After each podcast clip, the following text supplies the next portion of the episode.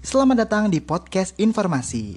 Nah buat kamu nih yang penasaran, kira-kira hubungan apa sih jurnalisme multimedia sama kantor-kantor berita yang menggait tentang berita tersebut? Nah di sini yang paling penting adalah harus mengikuti tren terkait kebiasaan orang-orang. Di antaranya yaitu pertama, kebiasaan membaca. Orang yang lebih sedikit membaca buku cetakan, tetapi tampaknya membaca secara online, itu akan menarik uh, ekspektasi masyarakat untuk mengubah pola membaca menjadi online. Dan yang kedua adalah menonton. Sejarawan media Michael Stephens menyarankan apa yang telah disaksikan di tanah media kontemporer, yaitu untuk kebangkitan sebuah gambar dan jatuhnya kata.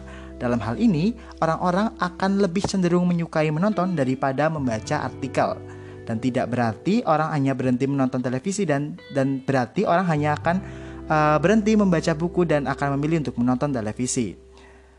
Dan untuk yang ketiga adalah mendengarkan. Orang masih mendengarkan radio, tetapi mungkin semakin banyak orang yang melakukannya secara online, sehingga radio, internet, stasiun saat melakukan tugas lain bertepatan dengan tren menonton televisi, sehingga orang-orang harus lebih mengubah cara uh, kantor-kantor berita harus lebih mengubah cara bagaimana untuk mendapatkan uh, pendengar dengan cara uh, tipikal karakter seperti ini. Dan yang terakhir adalah multitasking. Multitasking adalah ciri khas pengguna media kontemporer yang tampaknya menjadi judul multitasker karena orang-orang semakin terlibat dalam konsumsi dan produksi informasi di berbagai media secara bersamaan. Nah, itu dia karakteristik dari orang-orang yang perlu diketahui oleh kantor berita organisasi yang berhubungan dengan multimedia.